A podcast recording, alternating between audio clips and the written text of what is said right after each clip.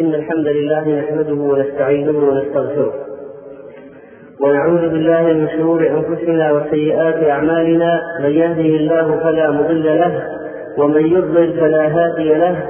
وأشهد أن لا إله إلا الله وحده لا شريك له وأشهد أن محمدا عبده ورسوله.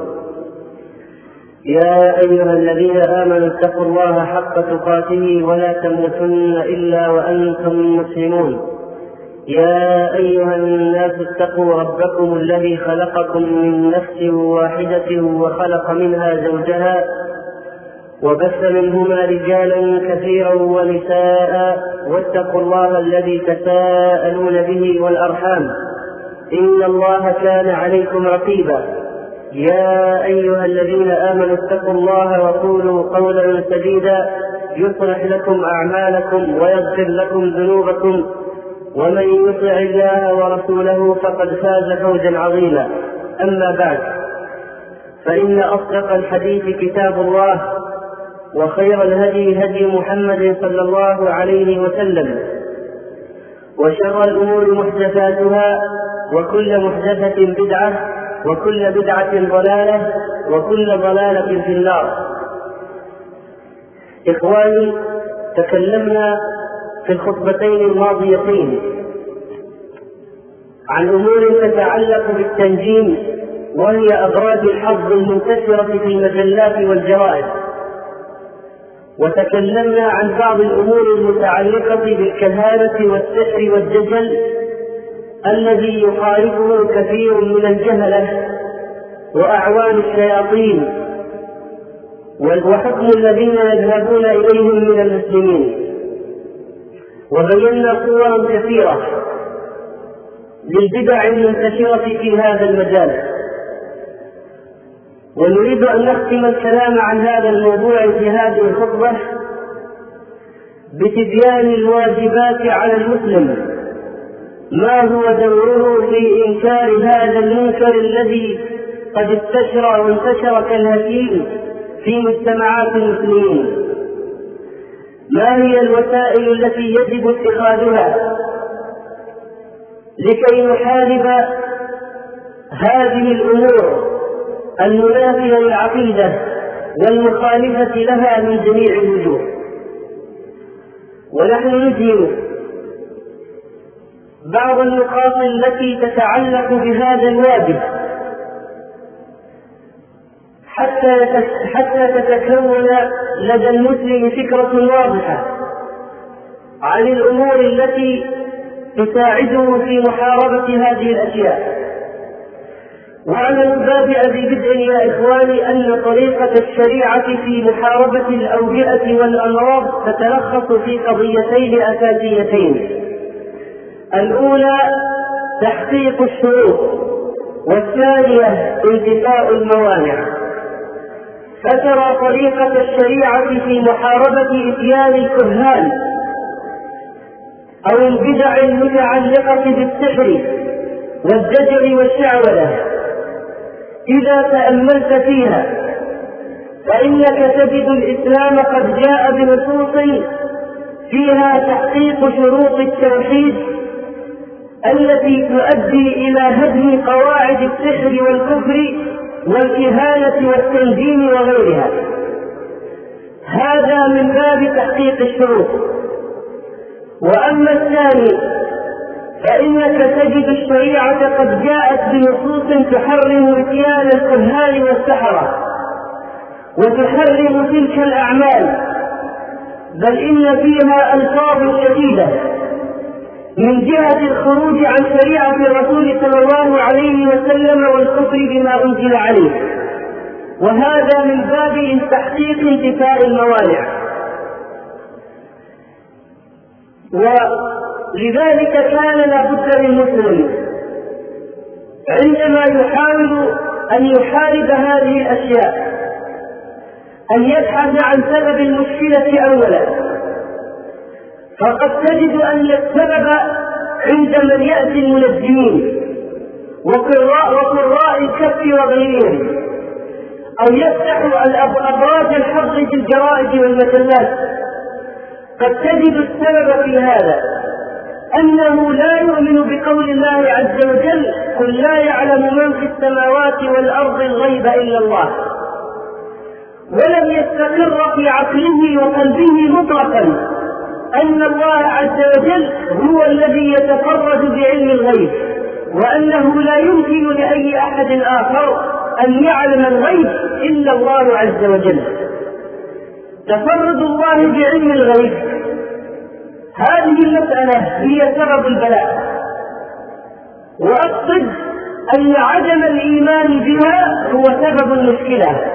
وعز الموضوع فإذا أردت أن تجابه هؤلاء الناس فإن عليك أن تقر في أذهانهم هذه المسألة وتأتي بالنصوص من القرآن والسنة وأقوال علماء السلف أن الله هو الذي يعلم الغيب فقط وأن من ذهب إلى أناس يعتقد أنهم يعلمون ما يحدث في المستقبل.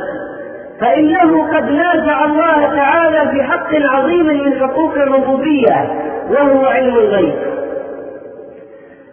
وهذا كفر شنيع ولا حول ولا قوة إلا بالله. وإذا تأملت مثلا وأردت أن تعالج أحوال الناس الذين يعلقون التمائم الشركية والأحدبة التي يسمونها بالعزائم فإنك ستجد أن هؤلاء الناس يعانون من نقص خطير في فهم قول الله عز وجل وإن يمسك الله بضر فلا كاشف له إلا هو والإيمان بهذا النص وما شابهه فإذا لو كانوا يؤمنون بأنه إذا مس الإنسان ضر فإنه لا يكشفه إلا الله عز وجل. فلماذا يذهبون إلى أولئك الكهان والعراقين يطلبون منهم أن يكشفوا هذا الضر الذي نزل بهم. وبالجملة فإن تعليم الناس أسماء الله وصفاته من الأمور التي تحارب الشرك والدجل من أساسهما. وإذا انتقلت معي إلى الشطر الآخر وهو انتفاء الموانع. فإننا يجب أن نعلم الناس ما هو حكم إتيان الكهان وماذا يكون حكم من صدقهم ونأتي لهم بالآيات والنصوص الدالة على ذلك وهذه مسألة سبق أن بيناها فيما مضى. ثالثا يا إخواني من الوسائل أو الوسيلة التي تخدم الغرضين السابقين إقامة الحلقات العلمية في المساجد والبيوت وغيرها من مجالس الناس وأماكن اجتماعهم التي تنتقى فيها المراجع الجيدة من كتب التوحيد التي ألفها علماؤنا الأجلاء وتدرس دروس خاصة في هذا الجانب. يجمع لها الناس وخصوصا النساء في البيوت الذين طالما صدقوا بهذا الدجل والشعوذة نتيجة قلة العقل والدين الذي طبعت عليه المرأة. فلو وجدنا مثلا أن في مجتمعنا مسألة تعليق التمائم والعزائم منتشرة وتعليق الأوتار والخيوط. فنأخذ مثلا كتاب التوحيد وشرحه لمجدد الدعوة الشيخ محمد بن عبد الوهاب رحمه الله. ومن شرحه فنستخرج لهم من هذا الكتاب الأبواب المناسبة لمحاربة هذه الأجواء التي انتشرت فيما بينهم. ونقرأ عليهم باب من الشرك لبس الحلقة والخيط لبس الحلقة والخيط لرفع البلاء أو دفعه وأبواب التي تتكلم عن العزائم والتمائم وحكم تعليقها والتصديق بما فيها. وإذا رأينا أن السحر هو المنتشر فننتقي لهم كذلك الأبواب التي تتكلم عن السحر والنشرة وهو إزالة السحر وحله عن المسحور. وما حكم إتيان الكهان لرفع السحر أو إزالته وحله؟ وهكذا تعليم الناس وتوعيتهم بهذه الأمور وتوزيع الكتيبات والأشرطة المتضمنة للشروح الجيدة لأبواب التوحيد.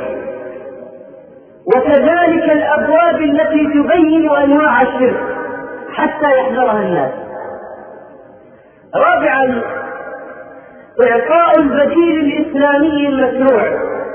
في علاج كثير من الأمراض والنوازل والأدواء التي بسببها يقع الناس في الشرك ويحاولون لحلها وإزالتها. أن يأتوا الكهان والسحرة؟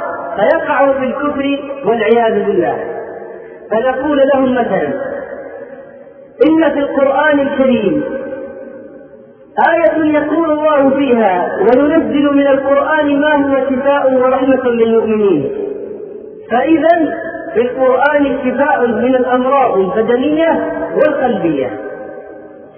وهذا السحر أو العين مرض من الأمراض التي تصيب البدن بأشياء خفية.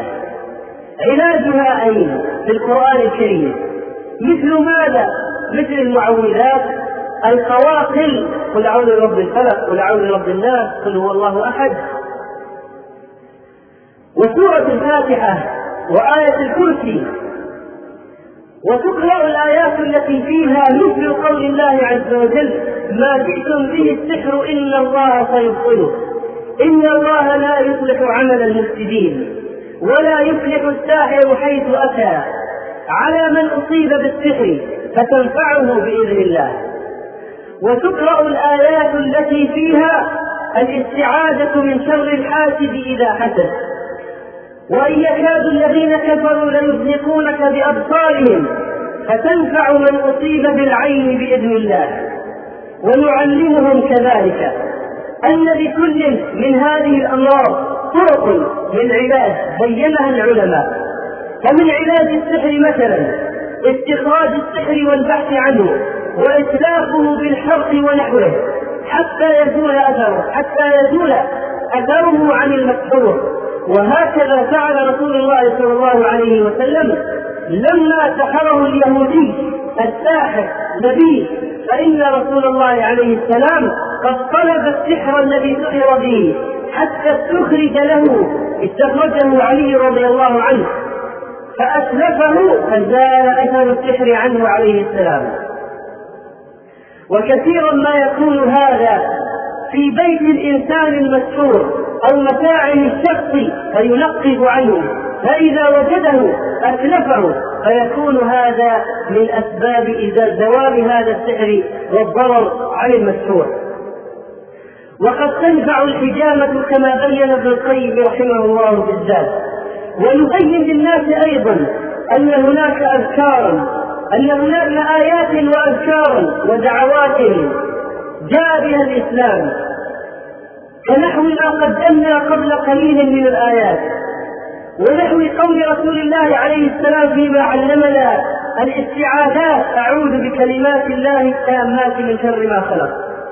أعوذ بكلمات الله التامة من كل شيطان وهامة ومن كل عين لامة.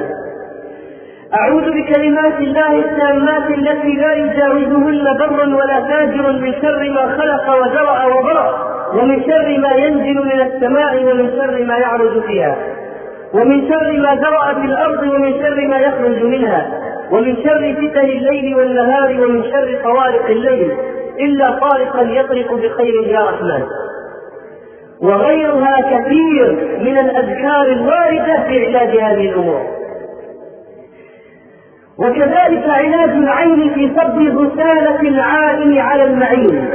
بأن يؤمر فيتوضأ ويغسل داخلة إزاره وأطرافه ثم يؤتى بهذه الغسالة فتصب على المعين من خلفه فيزول أثر العين بإذن الله. كذا روى أبو داود عن رسول الله صلى الله عليه وسلم في الحديث الذي صح في ذلك. ويقرأ على هذا الذي أصابته العين بسم الله أرقيك من كل شيء يؤذيك. ومن شر كل نفس وعن عين حاسد الله يشفيك بسم الله أرقيك رواه مسلم. فإذا أيها الإخوة نربط هؤلاء الذين قد وقع فيهم هذا المصاب بالله عز وجل. قرآن كلام الله. أذكار يذكر الله فقط. تعاويذ علمنا رسول الله صلى الله عليه وسلم كيف نتعوذ وبما نتعوذ ومن أي شيء نتعوذ. فالقضية ربط هذا المريض بالله فقط. وهكذا ينفع العلاج إذا تم التوكل على الله. ويأتي بعض الناس يقولون قرأنا فلم ننتفع. وجربنا فلم يبرأ. فنقول إن البلاء في نفوسكم أنتم. ليس البلاء في الآيات والأذكار والتعويذات النبوية. لو صح التوكل في قلوبكم على الله لبريتم. ولكن لما أقبلتم على هذه الأشياء بنفس المدرس الذي يشك هل تنفع أو لا تنفع؟ أو هل تؤثر هذه الآيات أو لا تؤثر؟ وتأخذونها مأخذ المجرد الذي يشك في الأمور فلذلك لم تنفع. فالبلاء في نفوسكم أنتم لا في هذه الآيات والأحاديث صححوا التوكل وصححوا الإيمان في القلوب فإنكم تبرؤون باستخدامها بإذن الله خامسا مناقشة هؤلاء الدجالين والمتعوذين. إذا استطاع الإنسان أن يصل إلى أحد منهم أو قابلهم أو مر على مجلس من مجالسه حتى يبين لهذا الكاهن أو الساحر أو الدجال أن فعله شرك ويقيم عليه الحجة. كما فعل رسول الله صلى الله عليه وسلم في حديث الصحيحين أنه تقصد أن يذهب إلى ابن صياد الدجال واختبأ لكي يصل إليه فلم يشعر به ابن صياد حتى ضربه رسول الله صلى الله عليه وسلم على ظهره من الخلف. ثم قال له عليه السلام أصل القصة في الصحيحين وهذه الرواية من صحيح مسلم. قال أتؤمن أني رسول الله أو أتشهد أني رسول الله. قال ابن صياد أشهد أنك رسول الأميين. ثم قال ابن صياد لرسول الله صلى الله عليه وسلم أتشهد أني رسول الله؟ فرفضه رسول الله صلى الله عليه وسلم وقال آمنت بالله ورسله. ثم قال له عليه السلام ما يأتيك؟ فقال يأتيني صادق وكاذب. ثم قال له عليه السلام ما ترى ماذا ترى قال أرى عرشا على الماء. قال عليه السلام فإني قد خبأت لك خبيئا. قال ابن صياد الدخ الدخ. قال عليه السلام اخسأ فلن تعدو قدرك فإنما أنت من إخوان الكهان. فناقشه عليه السلام وأفحمه وأخبره أنه قد خبأ له آية من الآيات وهي شرط من أشراط الساعة وهي الدخان الذي يخرج. ولم يخبره عليه السلام ما هو الشيء الذي خباه له. ولكن ذلك الرجل ابن القياد كانت الشياطين تنزل عليه. فتخبره بالخبر النازل من السماء واسترقوا السمع فلم يسترقوا منه إلا نصف الكلمة. لم يسمع لم تسمع الشياطين إلا الدخ الدخ. لم تسمع الكلمة كاملة الدخان الدخان. فنزلوا على ابن الصياد فأخبروه فقال الدخ الدخ. فقال عليه السلام اخسأ فلن تعد وقدرك فإنما أنت من إخوان الكهان فأقام عليه الحجة وألزمه وألزمه بالحق وكشف باطله وبين له أنه من إخوان الكهان. وكذلك كان يفعل شيخ الإسلام ابن تيمية رحمه الله تعالى في مناقشته ومناظرته البطائشية والرفاعية وغيرهم وقال لهم لما دخلوا في النار وزعموا أن اجسادهم لا تحترق قال اغسلوها حتى يزول هذا الدهن والنارنج وغيره من الأشياء التي صلوا بها أجسادهم فلا تؤثر فيها النار. قال اغسلوها ثم ادخلوها لو كنتم صادقين. فبين عوارهم وكشف جسدهم وباطنهم أمام الناس مجتمعين. وسبق أن أكرمنا في مرة ماضية مناقشته لبعض المنجمين رحمه الله تعالى. ثالثا من الوسائل أيها الإخوة إتلاف وتمزيق هذه الأشياء التي فيها سحر وهذه التمائم المربوطة التي تعلق وهذه الوصايا المكتوبة التي سبق أن بيناها كوصية خادم الحرم أحمد الشيخ أحمد فيما كتب عليه ونسب إليه كما بين ذلك أقربائه وغيرها من الوصايا التي تنتشر بين الناس من لم يكتبها يحصل يحصل فيه من المصائب كذا وكذا. ولا زال هذا ايها الاخوه حتى هذه الساعة توزع في بعض المساجد هو يقوم بعض الجهل بتوزيعها والجهله الآخرون بأخذها وتصويرها ونشرها هذه الأشياء التمائم والعزائم وهذه الأوراق المنتشرة يجب أن نمزقها ونفرقها أمام الناس لنبين لهم انه ما أصاب من مصيبة في الأرض ولا في السماء إلا بإذن الله. وأن من يمزق هذه ويفرقها لا يصيبه شيء إلا بإذن الله. وأنني قد مزقت هذه الورقة أمامكم أيها الناس مثلا فما أصابني شيء وهذا كذب. وحتى لو أصابني فإني أعتقد وأؤمن بأن ما أصابني ليس بسبب تمزيق هذه الأوراق وإنما لأن الله قدر علي هذا. إنا كل شيء خلقناه بقدر وما أمرنا إلا واحدة كلمح بالبصر.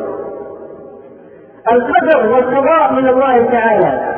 فنمزق ونحرق هذه الأشياء ونقول للناس انظروا ماذا تغني عنكم وماذا حصل لنا لما أحرقناها أو مزقناها فنبين للناس عمليا عمليا دجل وكذب ما هو مكتوب فيها. سابعا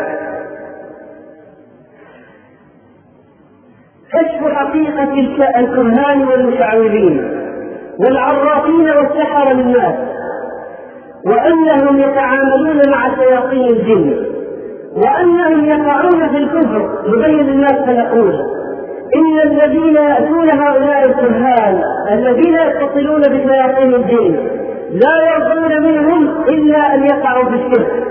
حتى يقع هذا المريض المسكين الجاهل يقع في الشرك. فيطلب الكاهن يقول له إن الدين الفلاني يطلب منك لكي يعالجك أن تذبح له ذبيحة. فيذبح هذا المسكين للشيطان. فيكون قد وقع في الشرك وهو الذكر لغير الله. أو يقول أريد مالا أو أريد شيئا. وهكذا من الأشياء. أو يقول يطلب منك أن تدعوه وتقول يا فلان اكفني أو عافني أو أجل كربتي فيقع في الشرك وهو دعاء غير الله. فنكشف للناس نقول انظروا ماذا يطلبون لكي يزيلوا الضر بزعمهم الذي نزل بكم؟ يطلبون منكم أن تقعوا في عين الشرك.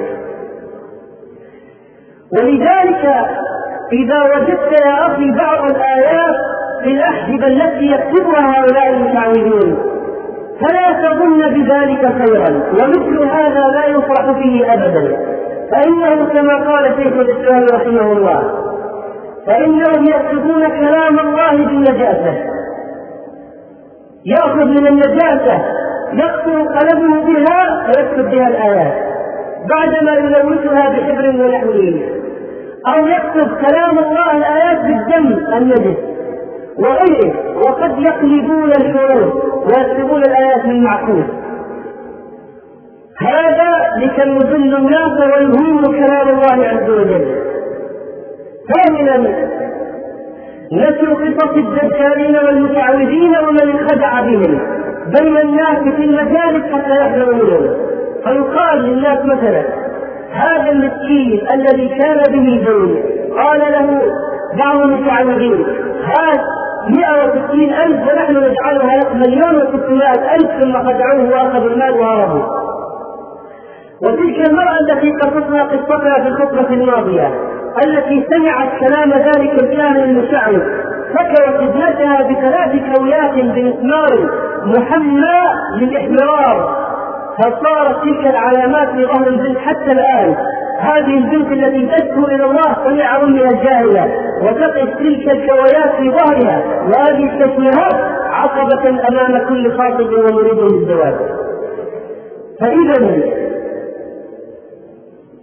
تبيين هذه الأشياء وعرضها للناس يزيل الغشاوة من عن يزيل الغشاوة عن أعينهم تاسعا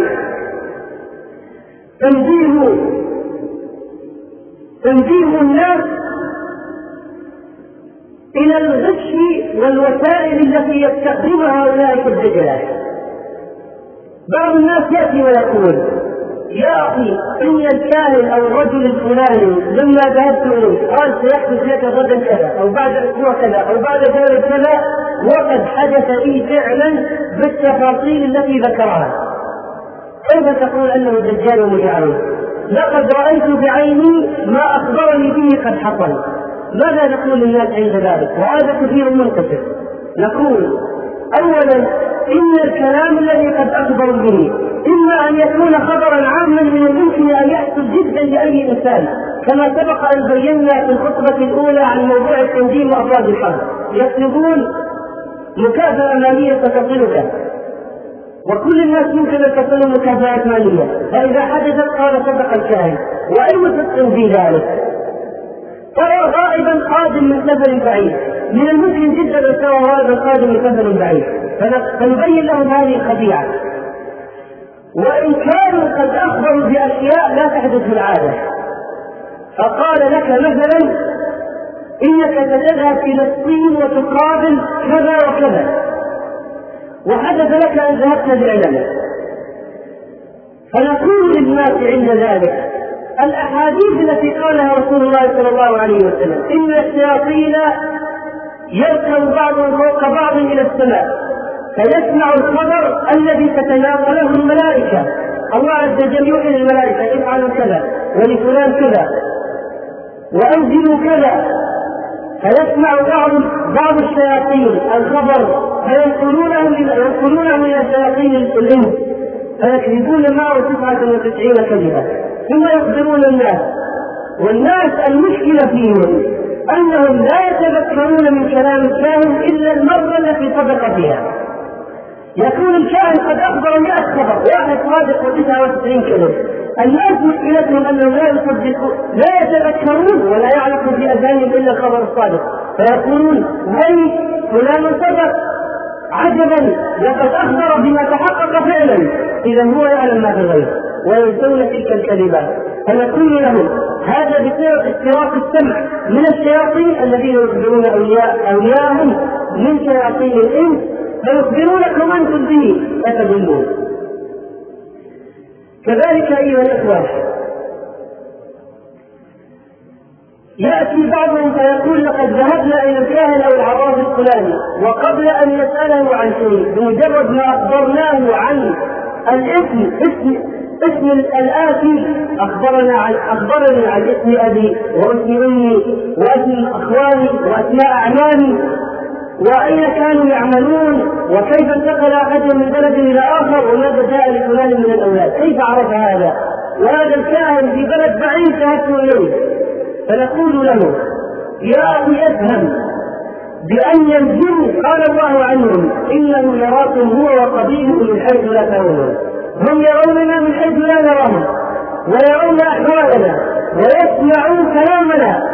فينقله هذا الشيطان إلى ذلك الكاهن الذي أنت تأتيه. يقول له إن فلان له من الأقوال كذا ومن الاعمام كذا وأبوه كان لونه كذا وعمله كذا وتوفي في اليوم الفلاني بالمرض الفلاني. ونخبرك الكاهن أنت تصدق. ولو أنك علمت أن الله يقول إنه يراكم هو وقبيله من حيث لا ترونهم. وعلمت بأن مع كل إنسان شيطان كما قال رسول الله صلى الله عليه وسلم في الحديث الصحيح الذي رواه أحمد ومسلم عن ابن مسعود ما منكم من أحد إلا وقد وكل به قرينه من الجن وقرينه من الملائكة. كل واحد فينا الآن معنا معه قرين من الجن وقرين من الملائكة. فهذا الملك يحث على عمل الخير وذلك الشيطان يحث على عمل الشر. هذا الشيطان الملازم للإنسان يعرف أحوال الإنسان ويرى الإنسان. ولذلك شرعت لنا التسمية وقراءة المعوذات نستعيذ من شره.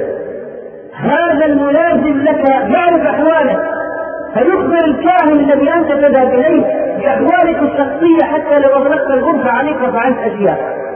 فيقول الكاهن لك لقد أغلقت عليك الغرفة في اليوم الفلاني وفعلت كذا. من الذي أخبر الكاهن؟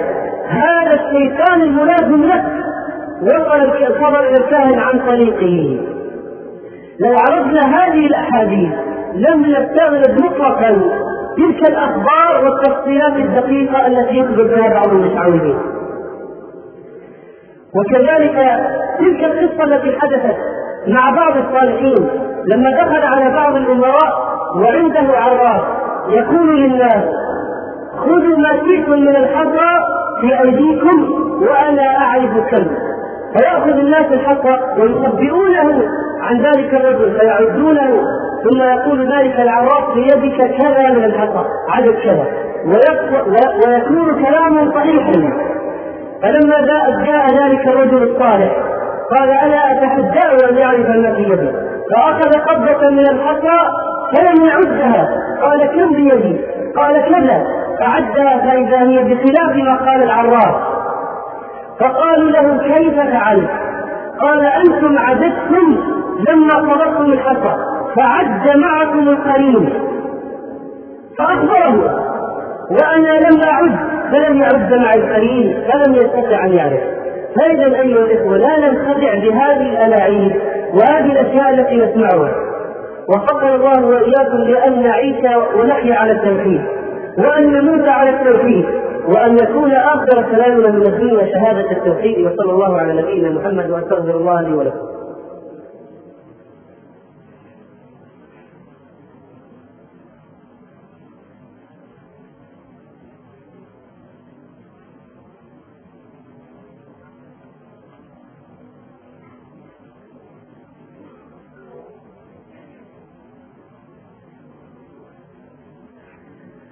الحمد لله رب العالمين.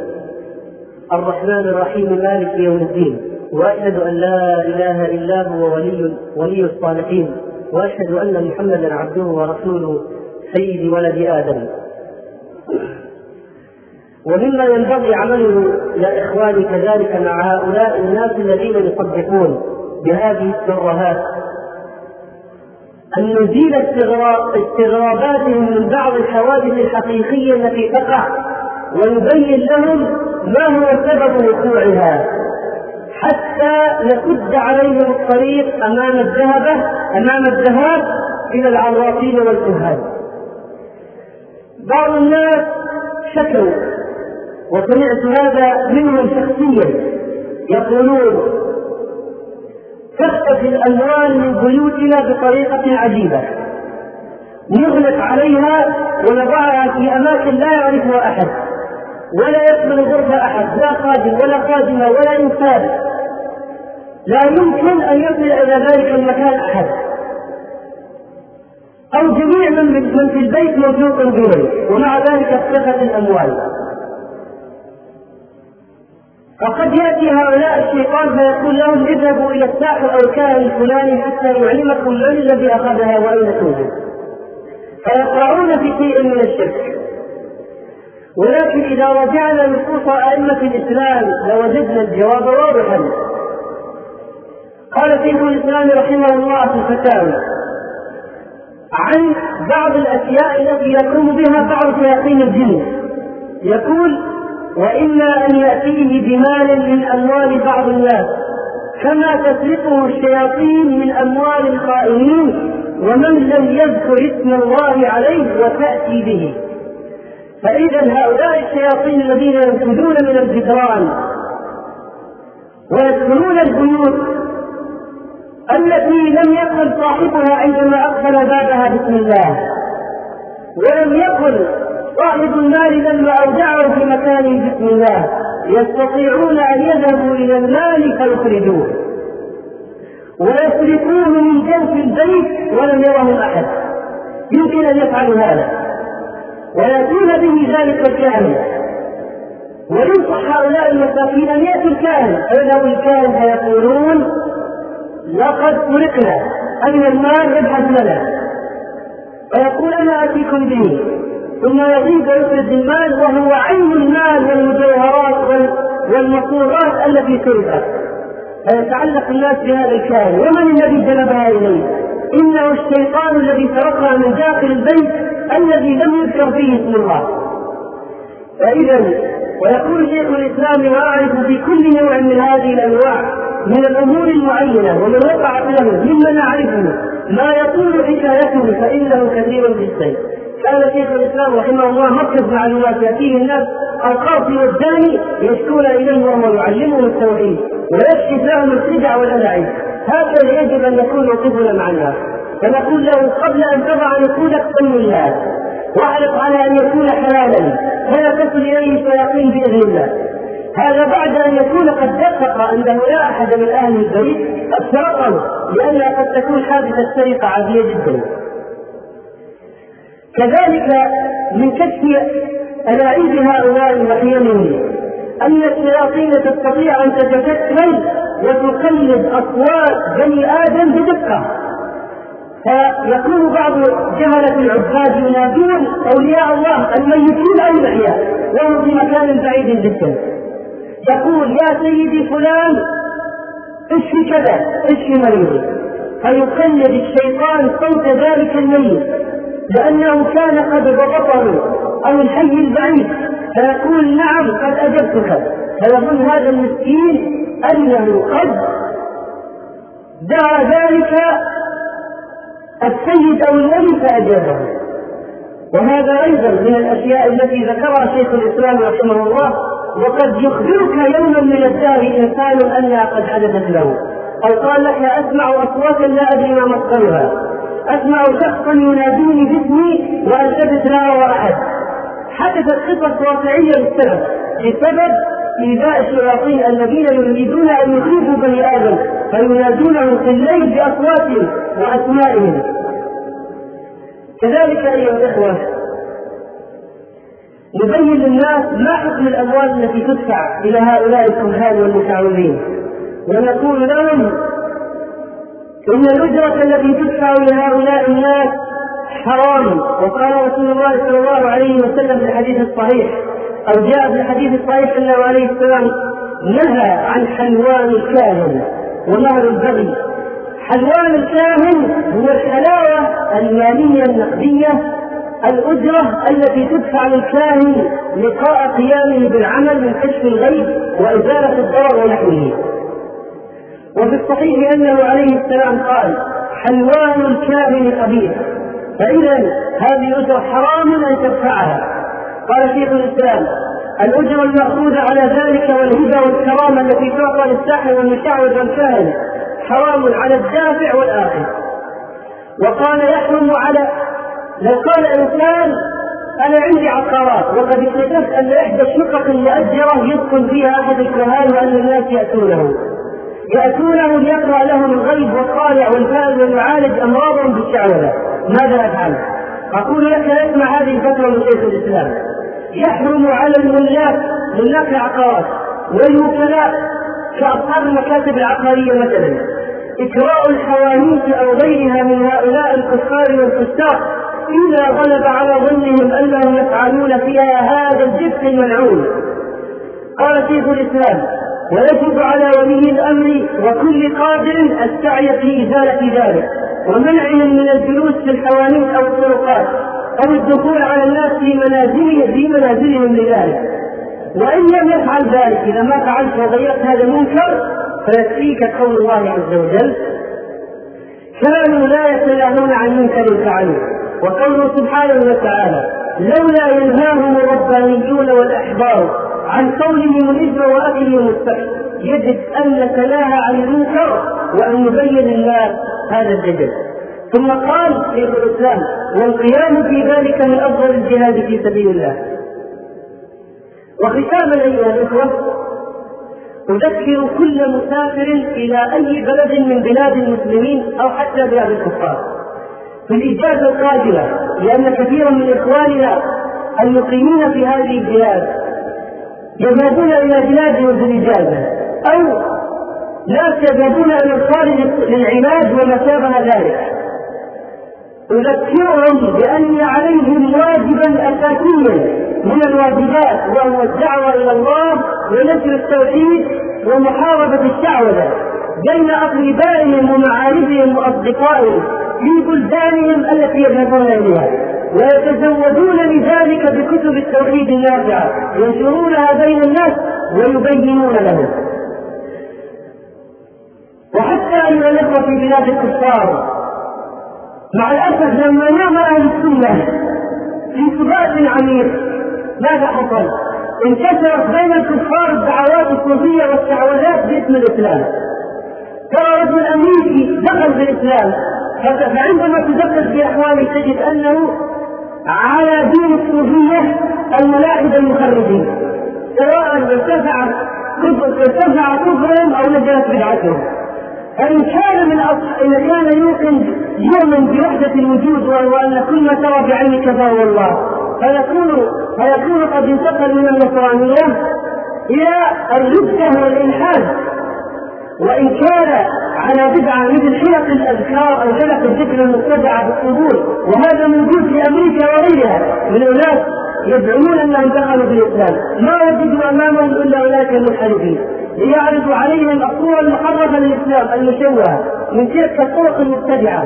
فنكون فيكون أحسن أحوالهم أنهم انتقلوا من دين النصرانية إلى البدع.